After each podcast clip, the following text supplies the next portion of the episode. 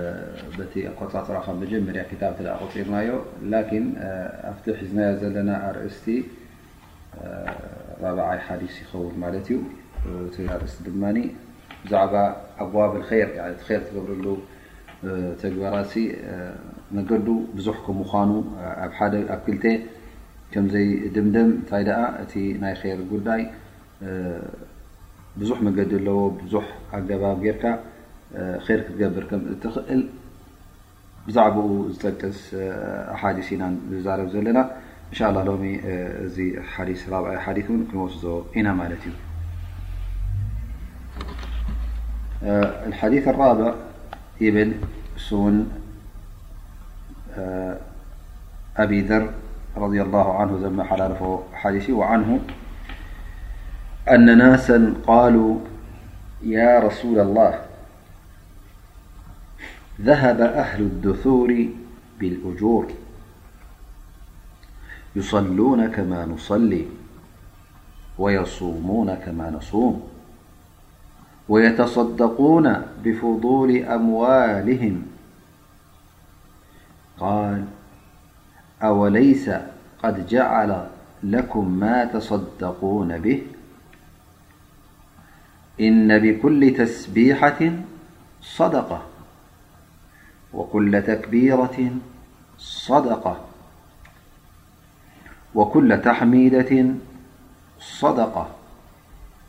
وكل تهليلة صدقة وأمر بالمعروف صدقة ونهي عن المنكر صدقة وفي بضع أحدكم صدقة قالوا يا رسول الله أيأتي أحدنا شهوته ويكون له فيها أجر قال أرأيتم لو وضعها في حرام أكان عليه وزر فكذلك إذا وضعها في الحلال كان له أجر رواه مسلم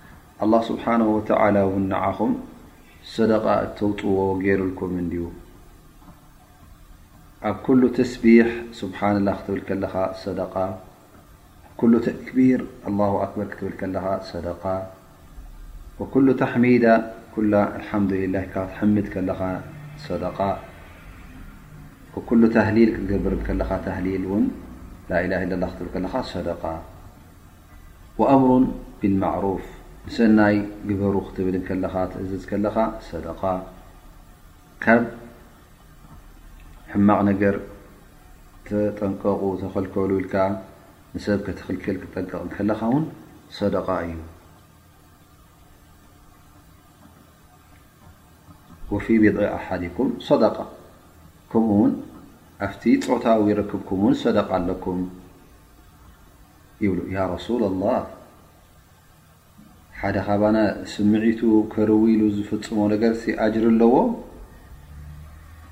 ኢሎም ምስ ሓተቱ እነቢ ስ ላ ሰለም ከምዚ ኢሎም መልሱ ኣረኣይቱም ለው ወضዕሃ ፊ ሓራም እዚ ፆታዊ ርክቡ ኣብ ሓራም ገይርዎ ነይሩ እንተዝኸውን እዚ ስምዒቱ እዙ ኣብ ሓራም ኣርይዎ ነይሩ እንተዝኸውን ዘንቢ ዶ ኣይምኾነን ነይሩ ስለዚ ብሓላል ስምዒቱ ስለ ዘርወየ ኣጅሪ ኣለዎ ኢሎም እነቢ ለ ላ ለ ሰለም መሊሶምሎም ማለት እዩ እዚዩ ሓዲስና ናይ ሎም መዓልቲ ብሕፅር ዝበለ ትንተና ወይከዓ ሕፅር ዝበለ ትርጉሙ ጠቂስናዮ ማለት እዩ እንሻ ላ ኣብቲ ስፍሕ ዝበለ ትንተና ክንኣቱ ኢና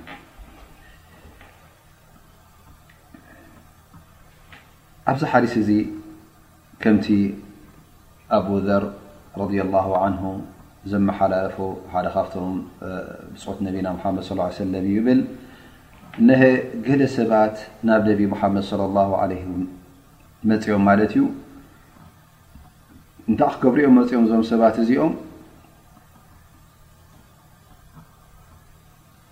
እንታዩ ኣገዲስዎም መጺኡ ብዛዕባ እንታይ እዮም ክሓቱ መጺኦም መስለኩም ይብሉ ያ ረሱል ላህ እዞም ሃፍታማትሲ እቲ ኩሉ ኣጅሪ ንዕኦም ጥራይ ኮይኑ ንሶም ጥራይ ወሲዶሞ ንሕና ጥራይ ኢና ተሪፍና ንሶም ካባና በሊፆም ኢሎም ክዛረቡ ጀሚሮም ማለት እዩ ከኣነሁም ማለት ሕጂ እዚ ዝዛረብዎም ዘሎ ጠብዓ እንታይ ኮይኖም እዮም እቲ ገንዘብ ናይቶም ሃፍታማት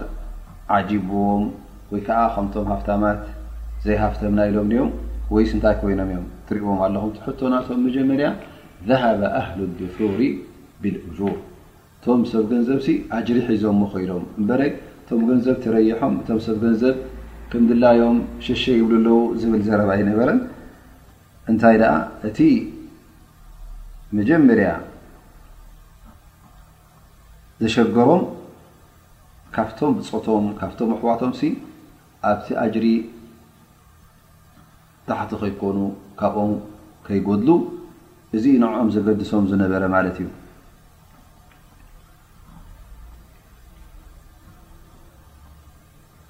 በል ኣብ ካልእ ሓዲስ እንተ ርእና እቶም ሙሃጅሪን እቶም ድኻታት ሙሃጅሪን እንታይ ኢሎም ተሸጊሮም ቃሉ ወየዕቲቁና ወላ ንዕትቅ ንሕና እሶም ገንዘብ ስለ ዘለዎም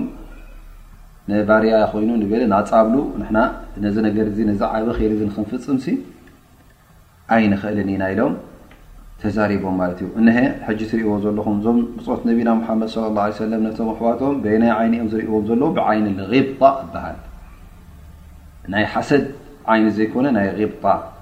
ጠብዓ ኣብ ቋንቋ ዓረብ ሓሰድን ቂብጣን ክልተ ትርጉም ኣለዎ ማለት እዩ ሓሰድ ክበሃል እንከሎ ሓሰድ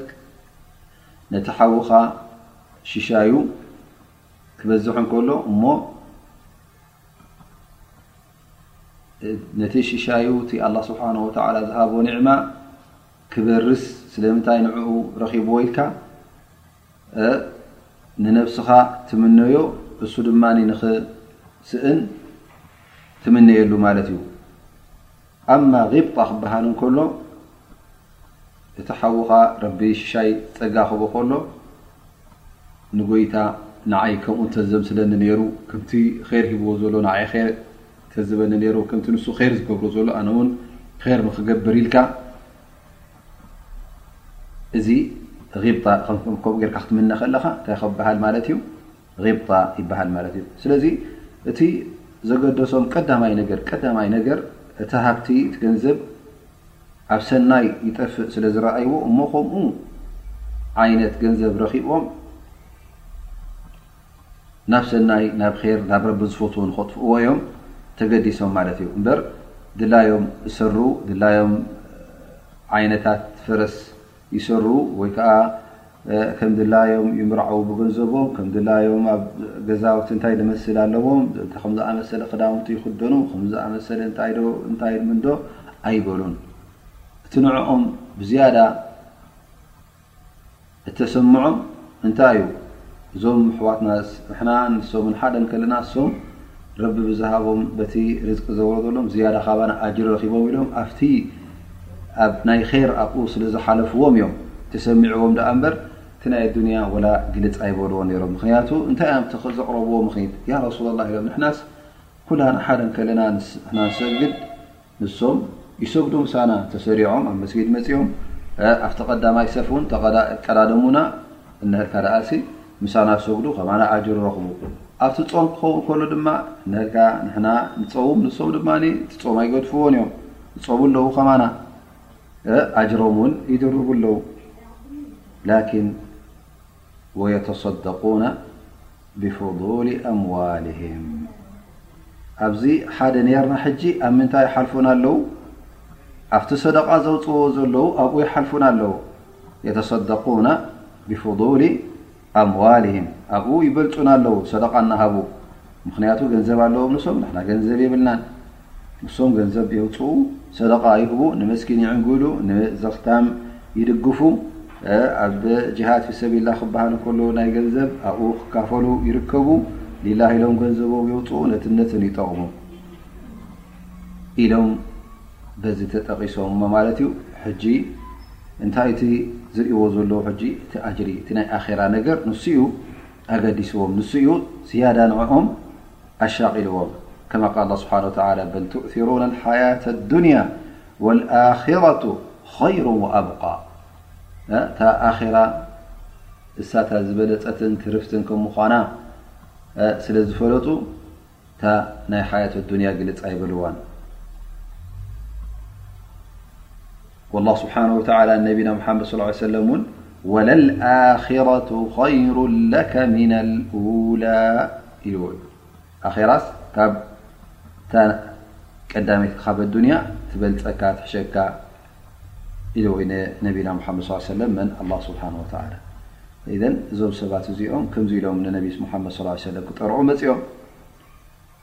ወነቢ ሰለላሁ ዓለይሂ ወሰለም እንታይ ኢሎም ይምልሱ፣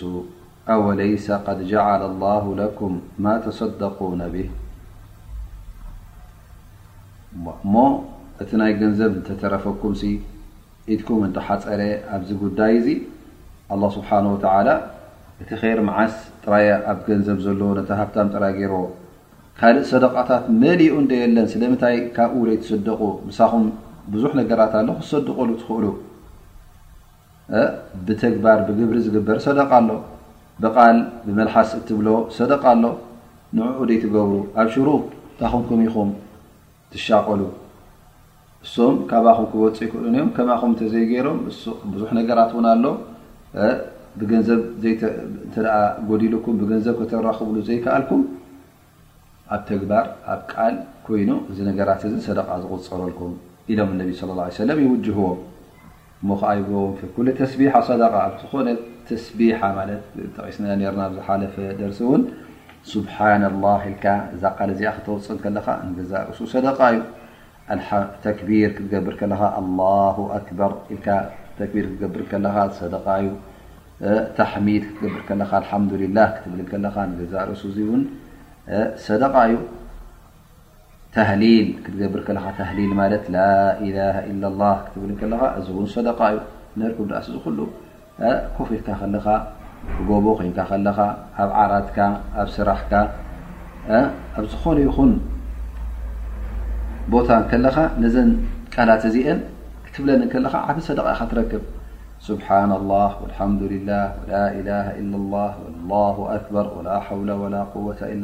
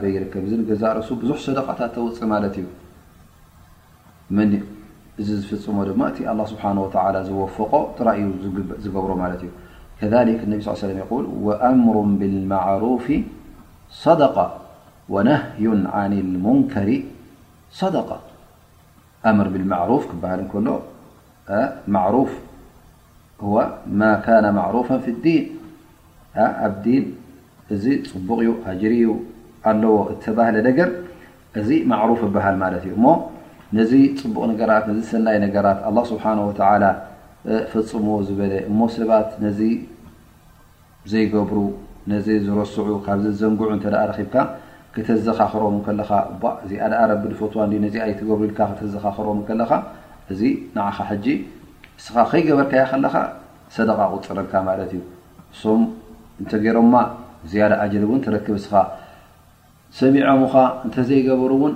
ኣጅርኻ ውን ቀፃሊ ትሰደቓኻ ኣሎ ማለት እዩ ላኪን እንተ ገይሮማ ድማ ዝያዳ ካልኣይ ኣጅሪ ክትረክብ ኢኻ ተቀዳማይ ኣጅሪ ግበሩ ኢልካ ስለዝመኸርካዮም ስለዝኣዘዝካዮም ተካልኣይ ኣጅሪ ድማ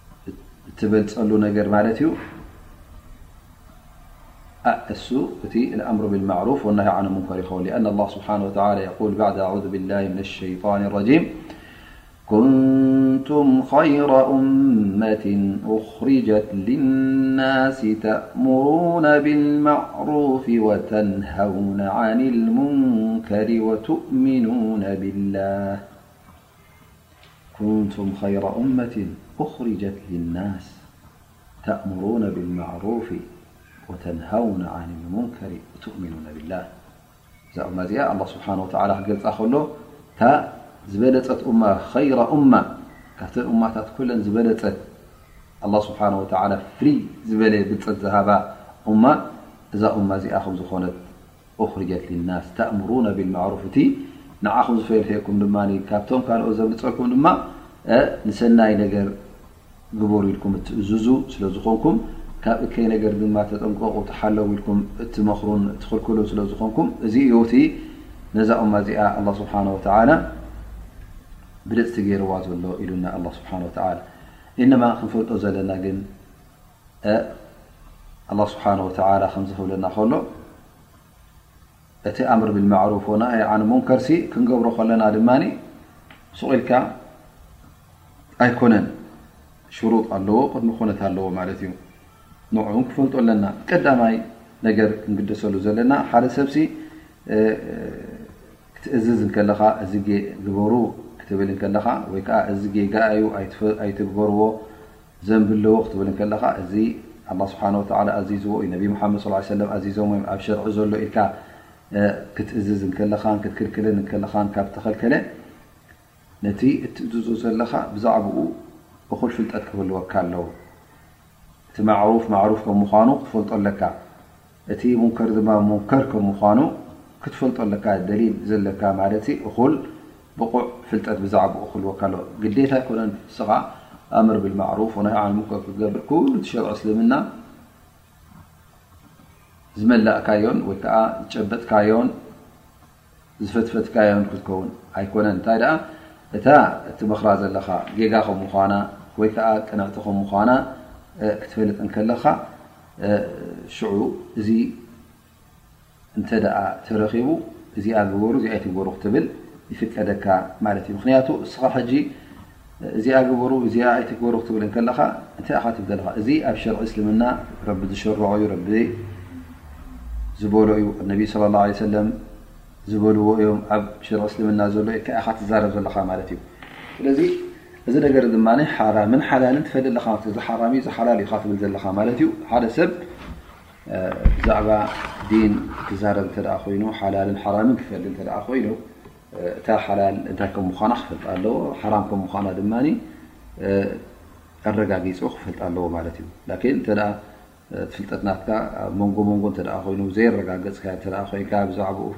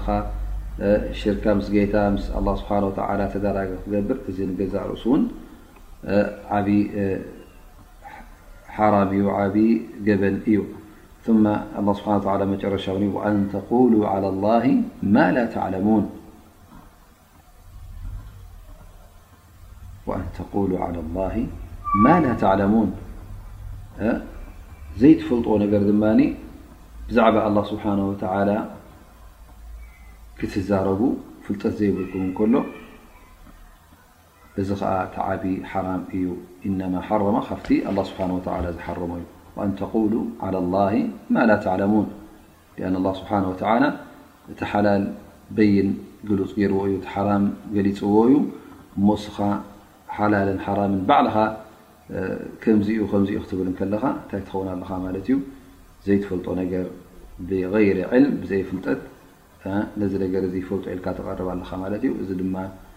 ዓብ ገበን ይኸውን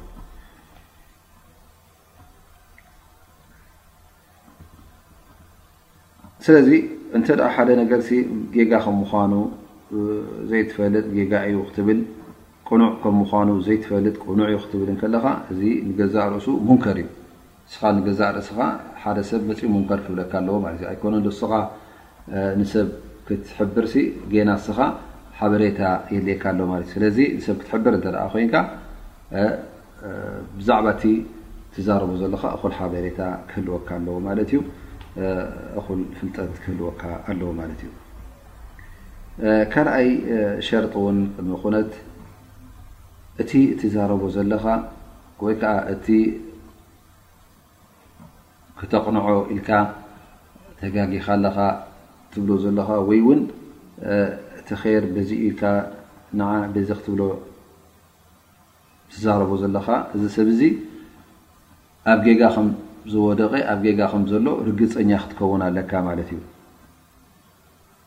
ሊኣኑ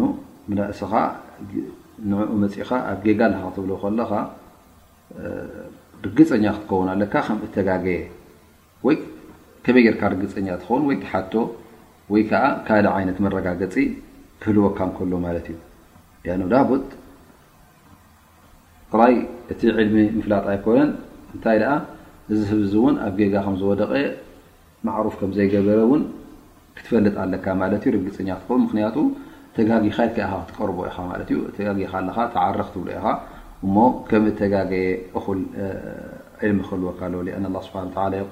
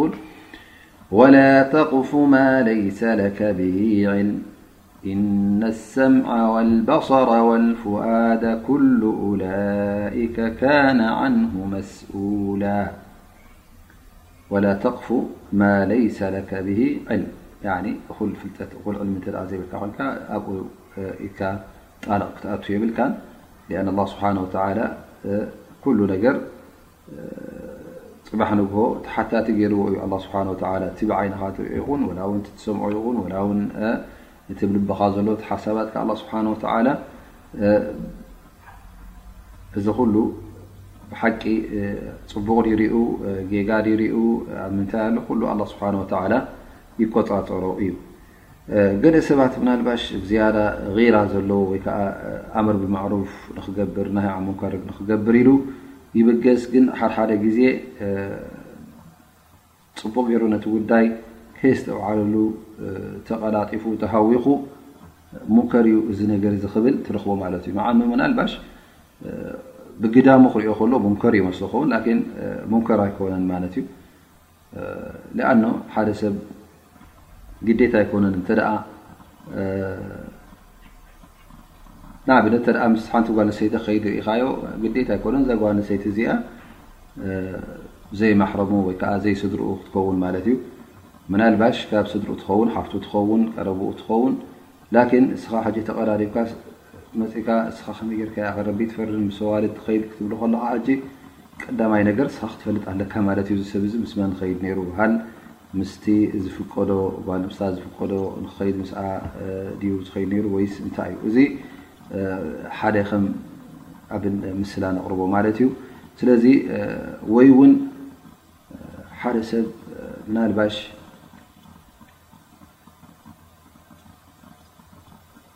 ኣብ መስጊድ ክትሪኦም ከለኻ ሰብ እናሰገደ ከሎ ኮፍ ኢሉ ትሪኦ ትኸውን ወይ ከዓ ንመስጊድ ገፁ ዘይከይድ ዝኸውን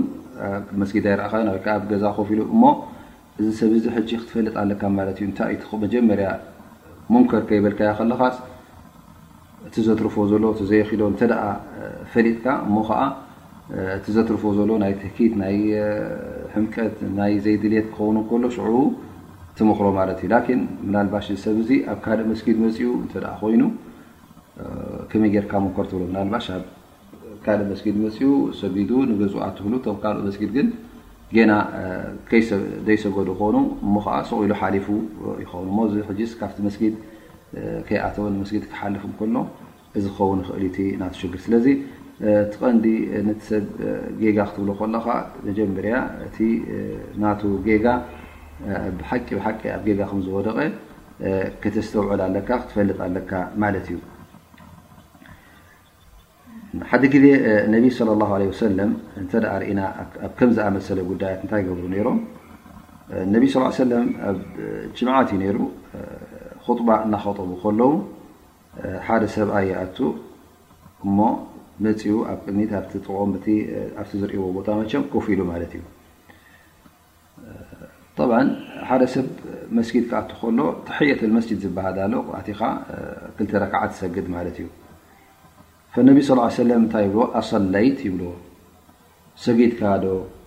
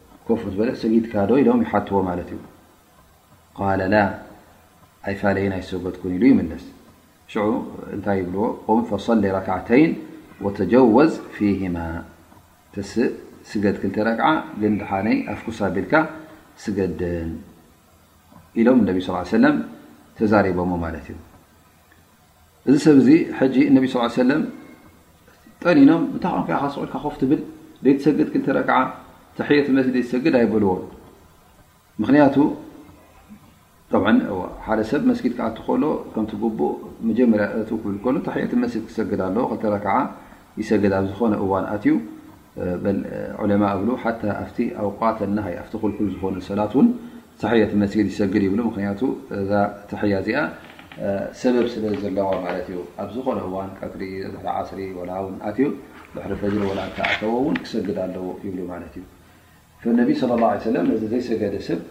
ከምዚ ገይሮም ኣይተቋየቑዎን ጌጋ ጌርካ ስለምንታይ ዘይሰገድካ ኢሎም ኣይተዛረቦም መጀመርያ ሓቲቶሞ ማለት እዩ ስለምንታይ ምናልባሽ ነቢ ስ ሰለም ከይረኣይዎ ከሎ በቲ ሓደ ሸነኽ ሰጊዱ ሕጂ ካብኡ ቦታ ካልኣይቲ ሪኡ ናብኣ ክቀርብ ኢሉ ቀሪቡ ናልባሽ መፅእ ህሉ ቦታ ቅይር ደልዩ ኸውን ኣይፈለጡን ስለዚ እንታይ ገይሮም ማለት እዩ ሓቲቶሞ ሰጊድካ ዶ ኣይሰገድካን ኢለሞ ቃል ላእ ኣይሰገድኩን ምስ በለ ተስእ እሞ ስገድ ይብልዎ ማለት እዩ ኣኸፊፍካ ውን ኣፍኩስ ኣቢልካ ስገዳ ይብልዎ ፈ ነቢ ስ ሰለም እቲ ትእዛዞም ሕጂ መዓስ ኮይኑ እቲ ዝሃብዎ ትእዛዝ ድሕሪ እቲ ኩነታት ምስ ኣፅንዑ ምስ ፈለጥዎ ዝሰብ እዚ ከም ዘይሰገደ ምስ ፈለጡ ማለት እዩ ጥራይ ይኸውን ኢሎም እውን ኣይተበገሱን ምናልባሽ ኣይሰገደ ንክብል ሰምታይ ዘይሰግድ ኣይበልዎን እነማ ምስ ተረጋገፁ ሽዑ ከም ዘይሰገደ ምስ ፈለጡ ኣዚዞሞ ማለት እዩ እዚ ሕጂ እንታይ የርእየና ማለት እዩ ሓደ ሰብሲ ጌጋ ክትገብር ኣለኻ ክብሎ ከለኻ ወይ ከዓ ናብ ር ዘይገበሮ ር ገዲፍዎ እተ ኣሎ ኮይኑ ንግበር ክትበ ኮይንካ ርግጸኛ ክትከውን ኣለካ እዚ ሰብ እዚ ነዚ ጉዳይ እዚ ከም ዝጠሓሰ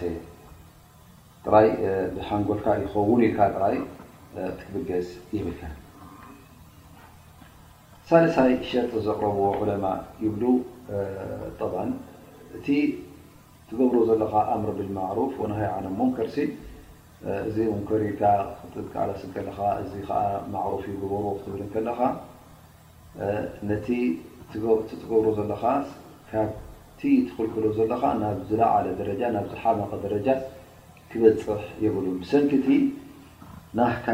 ኣምር ብልማዕሩፍ ወናሃይ ዓለ ሙንከር እቲ ጉዳይ ኣብ ዝበኣሰ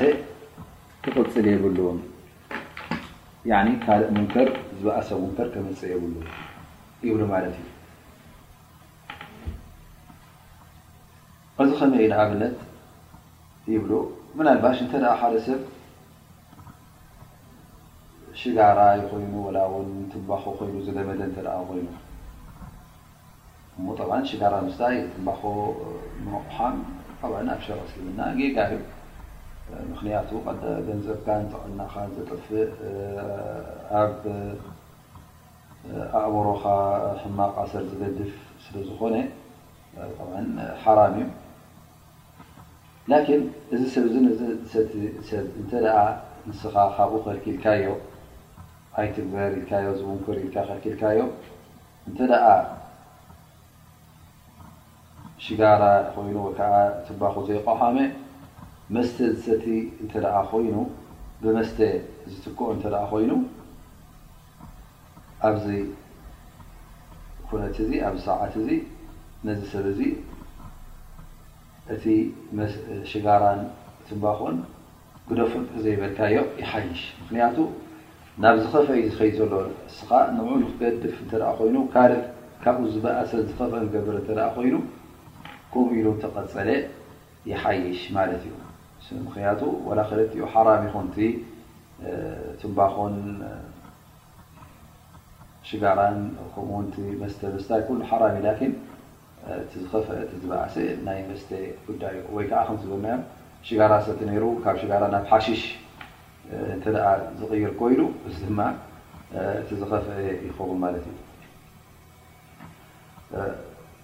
علماء نزل ل ي تمرم يم أن قرآن ر ل الله سبحانه وتعالى يل ولا تسب الذين يدعون من دون الله فيسب الله عدوا بغير علم الله سبحانه وتعالى نم مشركين طعت نقمس ኣይትጽረፍዎም ኢኹም ኢሉና ወላ ውን እሶም እቶም ጣዖታት ናይ ሙሽሪኪን ኣስናም ይኹኑ ወላ ውን ተጸረፍካዮም ዘንቢ ዘይብሉ ይኹን በል ብልዓክስ ከተካፍኦም ኣለካ ላኪን ንዕኦም እንተ ኣካፊእካን ጸሪፍካን ብሕማቕ ጠቒስካዮም እዞም ሰባት እዚኦም ንኣላህ ስብሓነሁ ወተዓላ ንረሱል ሰለላሁ ዓለይሂ ወሰለም ክጸርፉን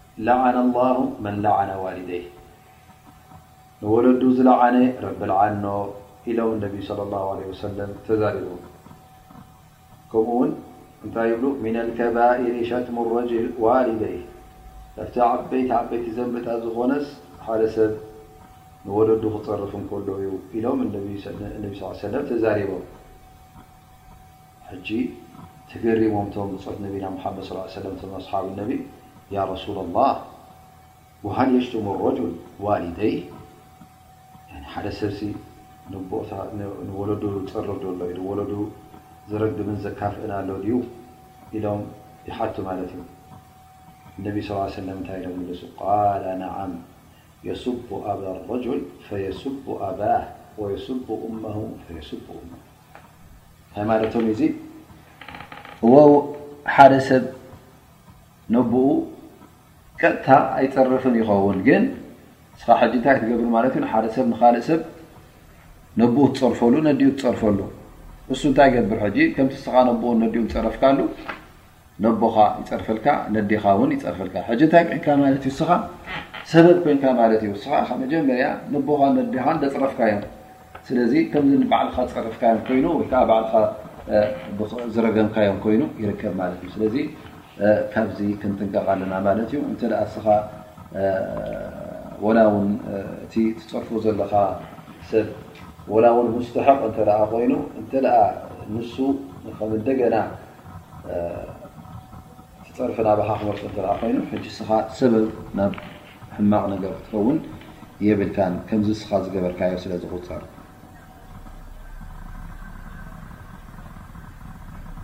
ስለዚ እቲ ሙንከር ክንሪኦ ከለና ሕጂ እንተ ዝኸይድ ኮይኑ ዝፀር እንተ ኮይኑ ፅቡቕ።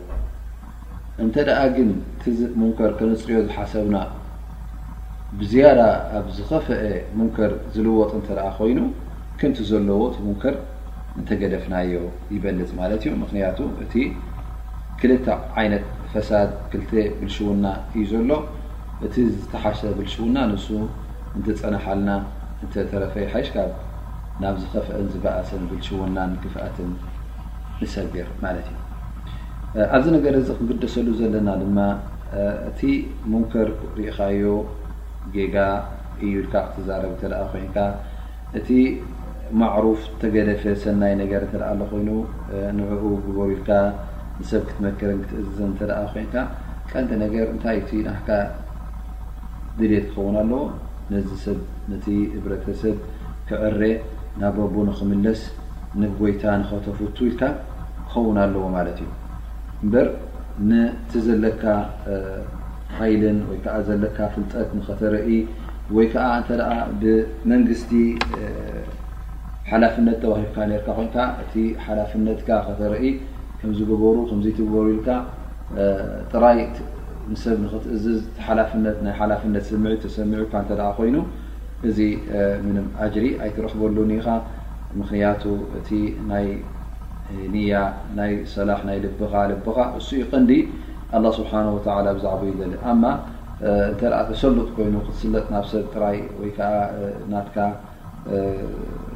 ሓላፍነት ርኢኻ ነቲ ሓላፍነትካ ኣብ ግብሪ ንኸተውዒልካ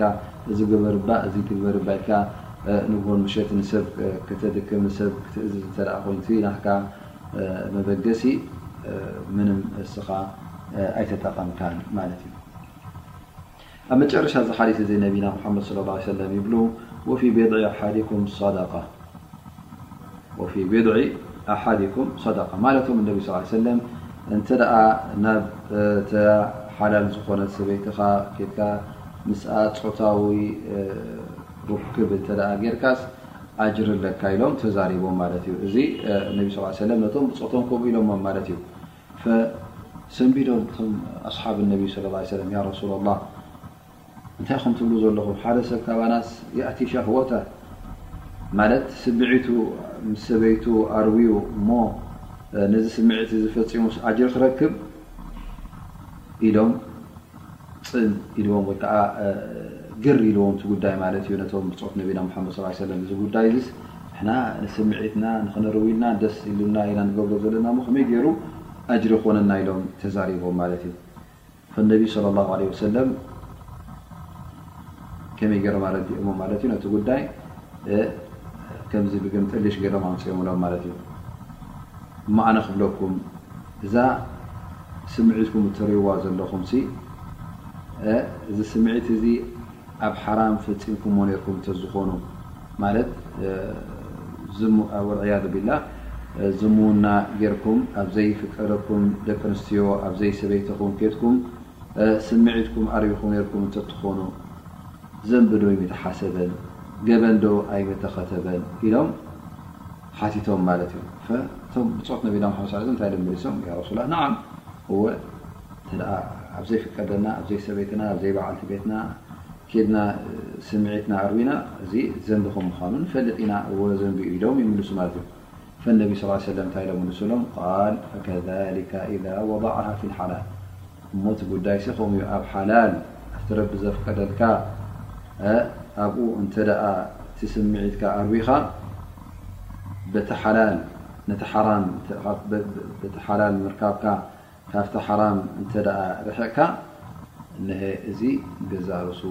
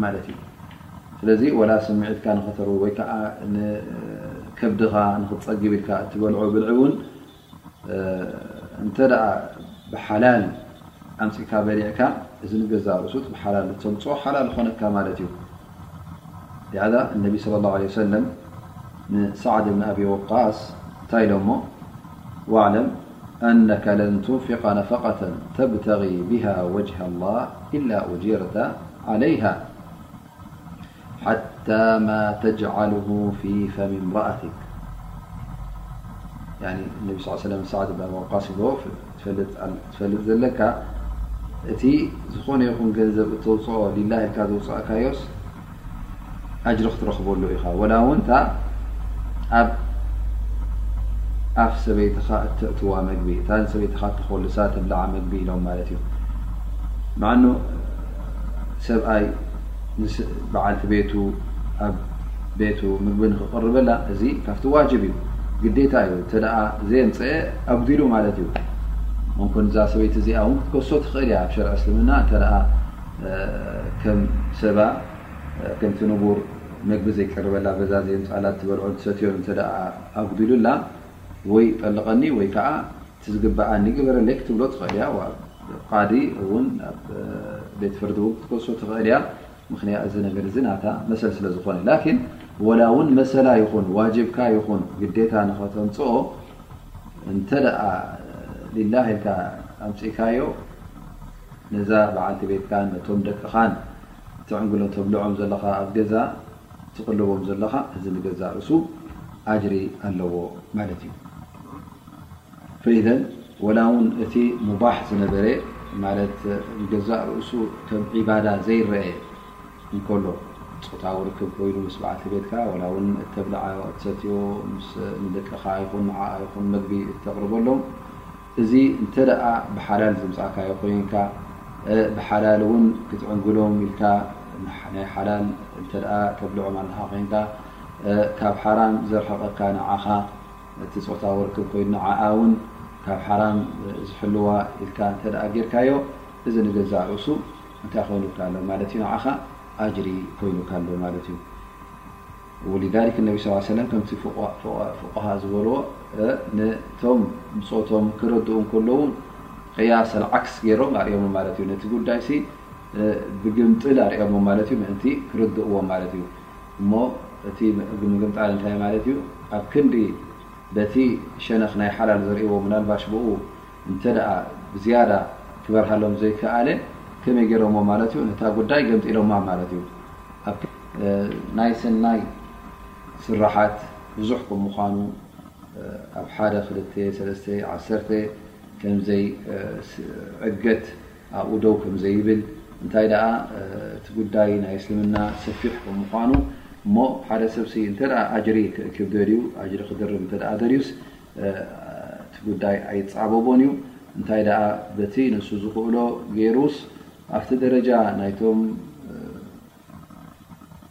ብዙሕ ስራሓት ዝሰርሑ ኣጅር ዝረኽቡ ክበፅሕ ይኽእል እዩ እተ ኣላ ስብሓን ወተላ ነቶም ሃፍታማት በቲ ሰደቃ ዘውፅዎ ንመሳኪን ኮይኑ ንካልእ ረቢ ዝፈትዎ ነገር ኢሎም ሰደቃ ዘውፅዎ ብኡ ኣጅሪ እውን ይርከቡ ዳኣ እምበር ኣንታ ድኻ ኣንታ ገንዘብ ዘይብልካ እንተ መስጊድ ክትሰርሕ ዘይከኣልካ፣ እንተ ንመስኪን ክትዕንግል ዘይከኣልካ፣ እንተ ሰደቓ ክተውፅእ ዘይከኣልካ፣ ኣለካ ካልእ ሸነኻት ሰደቓ ክተውፅኣሉ ትኽእል ዝበልናዮ እንታይ እዩ? ከምዚ ኣዝካር ዝኣመሰለ ቁርን ምቕራእ፣ ላኢላሃ ኢለላ ምባል፣ ሱብሓነላ ምባል፣ ምናልባሽ ቁርን ክቐርእሲ ኣነ ኣይተምሃርኩን፣ ኣይተዓለምኩን፣ ኣቀራርዓ ውን ኣይከኣልኩን ትብል እንተ ኮይንካ እነሀ፣ ብዙሕ ከቢድ ዘይኮነ ከም በዓል ተስቢሕ፣ ታሕሚድ፣ ታህሊል ዝበልናዮ እዚ ዓቢ ደረጃ ዘለዎ ዓቢ ኣጅሪ ትረኽበሉ ማለት እዩ። እዚ መልሓስካ እዚ ብስም ኣላህ ስብሓነሁ ወተዓላ ክትርክስ እንከሎ እነሀ ዓቢ ኣጅሪ እትረኽበሉ ኢኻ። ስለዚ ናይ ሎምዓቲ ደርስና በዚ ይድምደም። እንሻ ኣላህ ኩልኹም